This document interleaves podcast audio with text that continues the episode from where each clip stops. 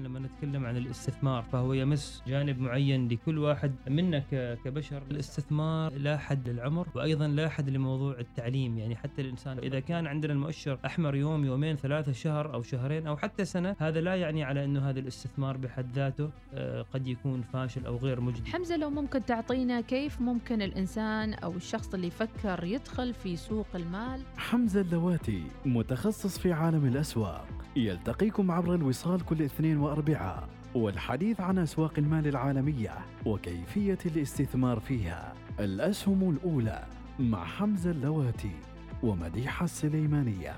الأسهم الأولى يأتيكم برعاية الهيئة العامة لسوق المال الاستثمار الواعي.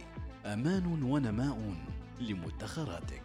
وبرعاية بورصة مسقط بورصة الفرص.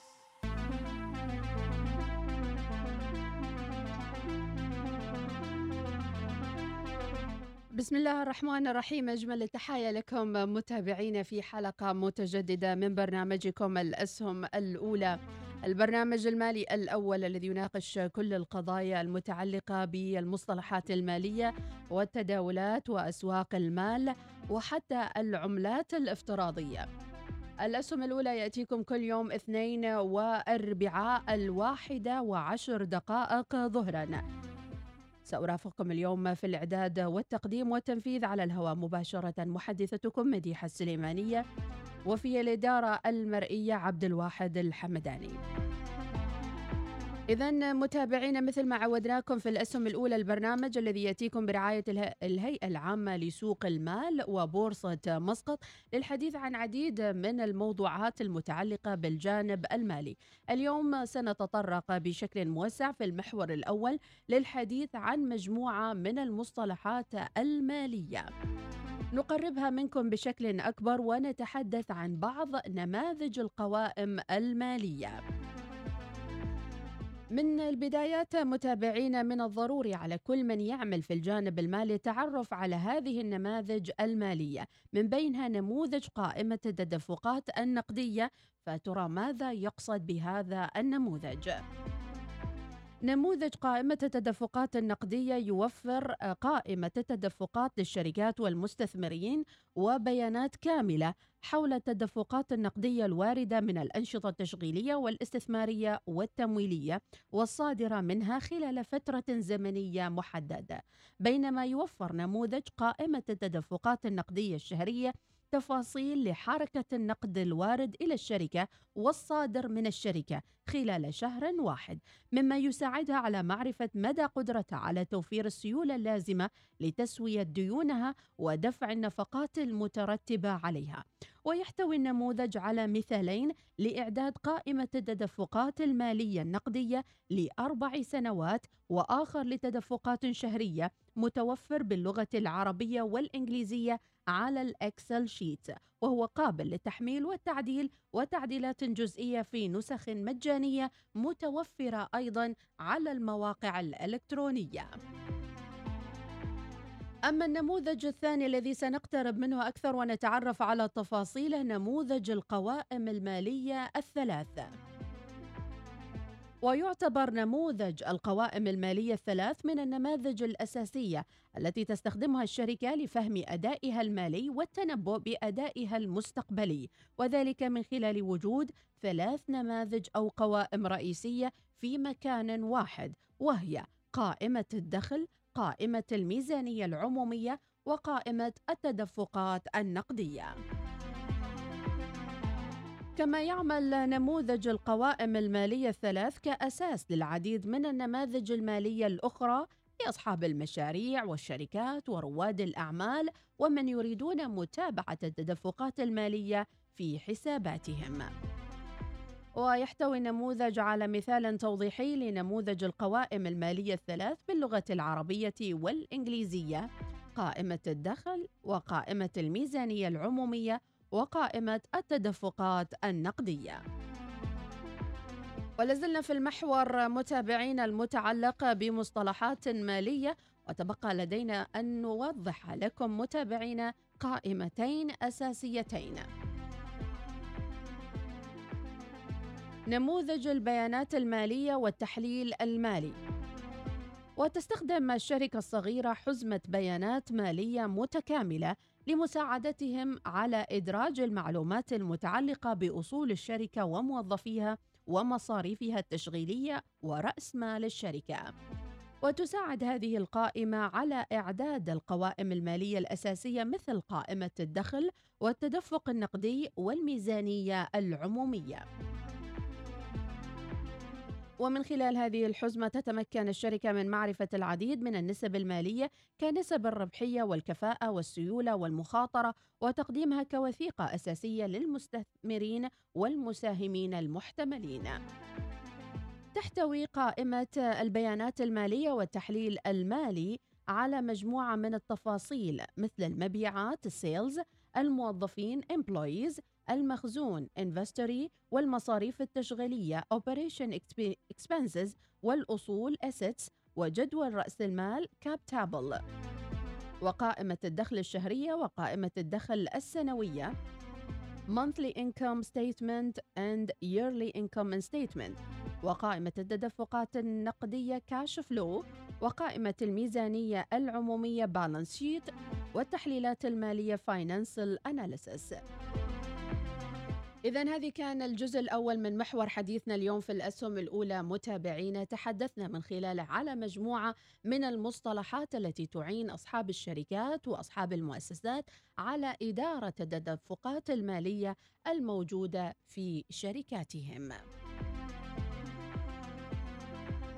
متواصلون معكم وأجمل تحية والترحيب لكل من ينضم إلينا للاستماع الآن عبر البودكاست أو على اليوتيوب مباشرة أو لمن يتابعنا أيضا على الإنستغرام ومواقع المختلفة السمعية البودكاست وسبوتيفاي.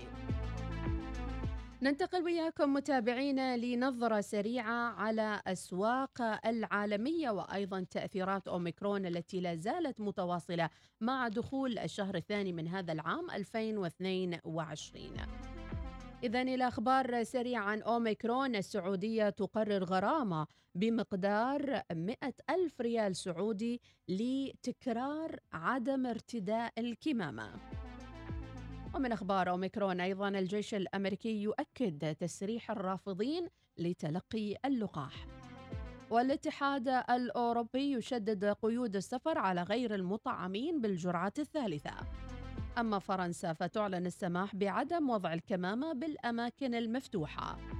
والنمسا تفرض غرامات مالية على غير المطعمين.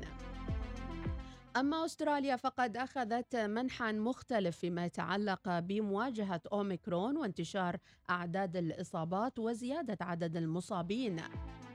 فبدلا من أن تشدد الإجراءات قامت أستراليا متابعين بإعادة فتح حدودها بالكامل أمام المسافرين المطعمين ابتداء من 21 فبراير من الشهر الحالي.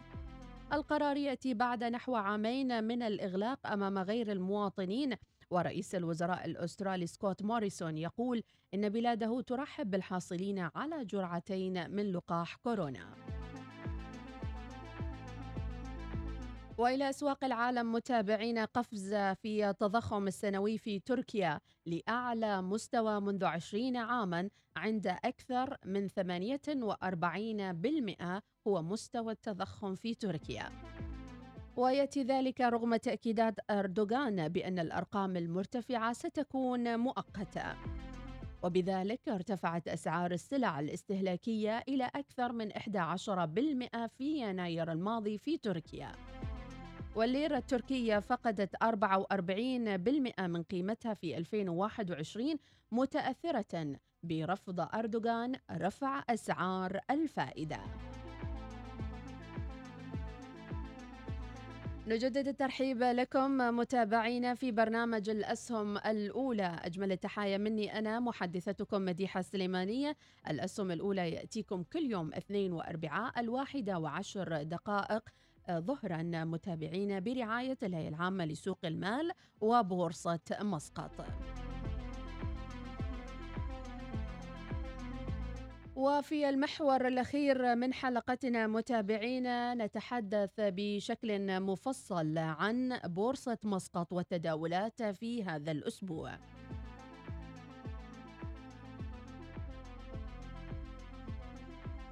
أغلق مؤشر بورصة مسقط هذا الأسبوع متابعينا عند 4127 نقطة وكانت نسبة التغيير طفيفة جدا في التداولات.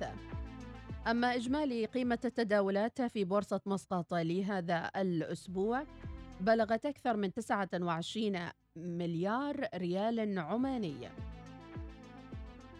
وقيمة السندات والصكوك المتداولة بلغت أكثر من مليون ريال عماني. بالنسبة لسوق الأسهم بلغ عدد الأسهم المتداولة في السوق العمانية 7 مليار ريال عماني. وفي سوق السندات والصكوك 4.6 مليار ريال عماني. وفي سوق الشركات المقفلة بلغ أكثر من 10 مليار ريال عماني. أما أكثر خمسة أوراق مالية تداولا من حيث القيمة فكانت كالآتي. أتى في المرتبة الأولى البنك الأهلي. في المرتبة الثانية بنك مسقط. في المرتبة الثالثة الجزيرة للمنتجات الحديدية في المرتبة الرابعة في سوق مسقط للأوراق المالية العمانية للاتصالات عمان تل في المرتبة الخامسة البنك الوطني العماني. إذا هذه كانت أخبار السوق العمانية وبورصة مسقط متابعين وأبرز الشركات وأيضا أبرز إجمالي قيمة التداول والقيمة السوقية للأسهم والسندات في سوق مسقط. بالنسبة للأسواق العالمية بلغت قيمة السوقية لأكبر الشركات في العالم حتى إغلاق يوم الجمعة الرابع من فبراير شركة أبل أغلقت على أكبر قيمة سوقية بالمرتبة الأولى أتت على 2.8 تريليون دولار أتت شركة مايكروسوفت بالمرتبة الثانية 2.3 تريليون دولار.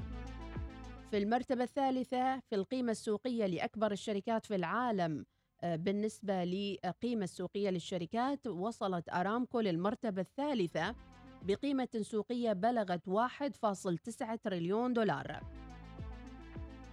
بالمرتبة الرابعة شركة ألفابت وصلت القيمة السوقية لها آه، تريليون وتسعة مليون دولار في المرتبة الخامسة أتت أمازون ب 1.5 تريليون دولار كما نلاحظ متابعينا في قيمة السوقية لأكبر الشركات تداولا حتى يوم الجمعة الرابع من فبراير لم تأتي شركة فيسبوك أو ميتافيرس بسبب الخسائر الكبيرة التي لحقت بشركة فيسبوك خلال الفترة الماضية. إذا نختم محاور حديثنا لليوم متابعينا عن خسارة الكبيرة التي لحقت بفيسبوك التي وصلت إلى plus 200 مليار دولار وانخفاض في أسهمها 22% وطرح العديد من المعنيين والمهتمين بهذا الجانب كثير من التساؤلات حول أسباب خسارة فيسبوك لأكثر من 2 مليار دولار وانخفاض أسهمها 22% فسر البعض الأسباب كالآتي. انتقال الفيسبوك إلى عالم الميتافيرس وهذا حاليا يكلف فيسبوك مبالغ ضخمة في عملية تطوير منصة ميتافيرس. موجة نزوح عظيمة حدثت في فيسبوك إلى تيك توك وغيرها من المنصات الأخرى وأيضا سياسة فيسبوك المتعسفة. أيضا من أسباب نزول هذه الأسهم شركة أبل بتحديثها الأخير جعلت الناس لا يستخدمون الفيسبوك. وأيضا أسباب اختراق الخصوصية وبيانات العملاء ودول كثيرة في أوروبا ثارت ضد فيسبوك والعنصرية في تعاملها بين العملاء. إذا توقع بخسائر ربما هي خسائر تعديلية وتصحيحية.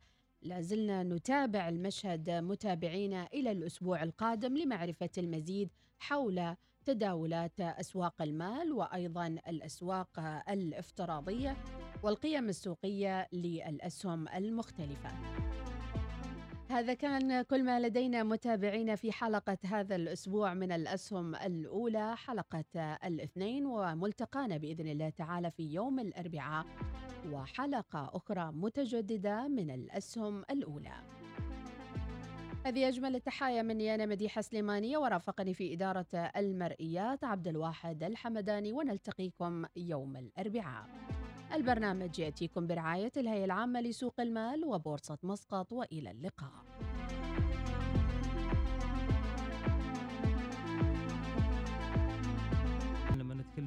الاستثمار فهو يمس جانب معين لكل واحد منا كبشر. الاستثمار لا حد للعمر وأيضا لا حد لموضوع التعليم. يعني حتى الإنسان إذا كان عندنا المؤشر أحمر يوم يومين ثلاثة شهر أو شهرين أو حتى سنة هذا لا يعني على إنه هذا الاستثمار بحد ذاته آه، قد يكون فاشل أو غير مجدي. حمزة لو ممكن تعطينا كيف ممكن الإنسان أو الشخص اللي يفكر يدخل في سوق المال؟ حمزة اللواتي متخصص في عالم الأسواق يلتقيكم عبر الوصال كل اثنين وأربعاء. والحديث عن أسواق المال العالمية وكيفية الاستثمار فيها. الأسهم الأولى مع حمزة اللواتي ومديحة السليمانية.